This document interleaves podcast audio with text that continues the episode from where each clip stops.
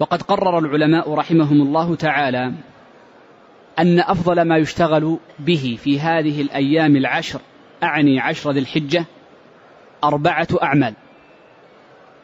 أول هذه الأعمال لزوم المساجد وكثرة المكث فيها ومن لزوم المساجد الاعتكاف فيها كما كان النبي صلى الله عليه وسلم يفعل في العشر الأواخر. والعمل الثاني الذي يتأكد في هذه العشر أن المرء يعنى بكتاب الله عز وجل وقراءته.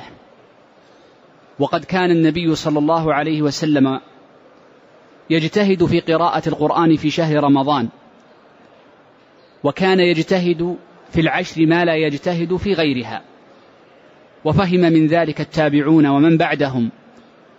زيادة قراءة القرآن في العشر الأواخر حتى إن بعضهم كان يختم في كل يوم ختمة. العمل الثالث الذي يكون أفضل من غيره من الأعمال وهو قيام الليل وكثرة الصلاة فيه.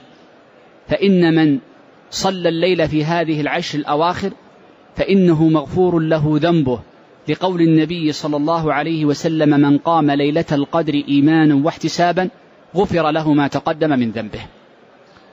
العمل الرابع الذي يتأكد هو الذي سنتحدث عنه في هذه في هذا المساء وهو الدعاء. فإن للدعاء في رمضان عموما خصيصة وفي آخره تأكيد أكثر من غيره.